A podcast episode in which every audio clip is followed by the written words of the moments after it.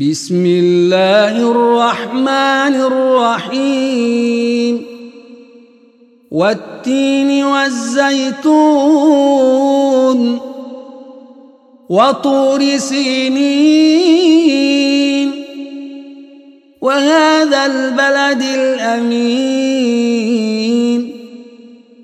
لقد خلقنا الإنسان في أحسن تقويم. ثم رددناه أسفل سافلين.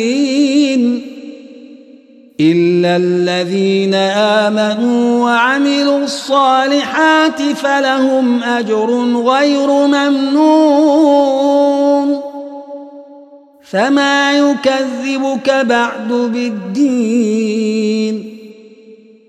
أليس الله بأحكم الحاكمين؟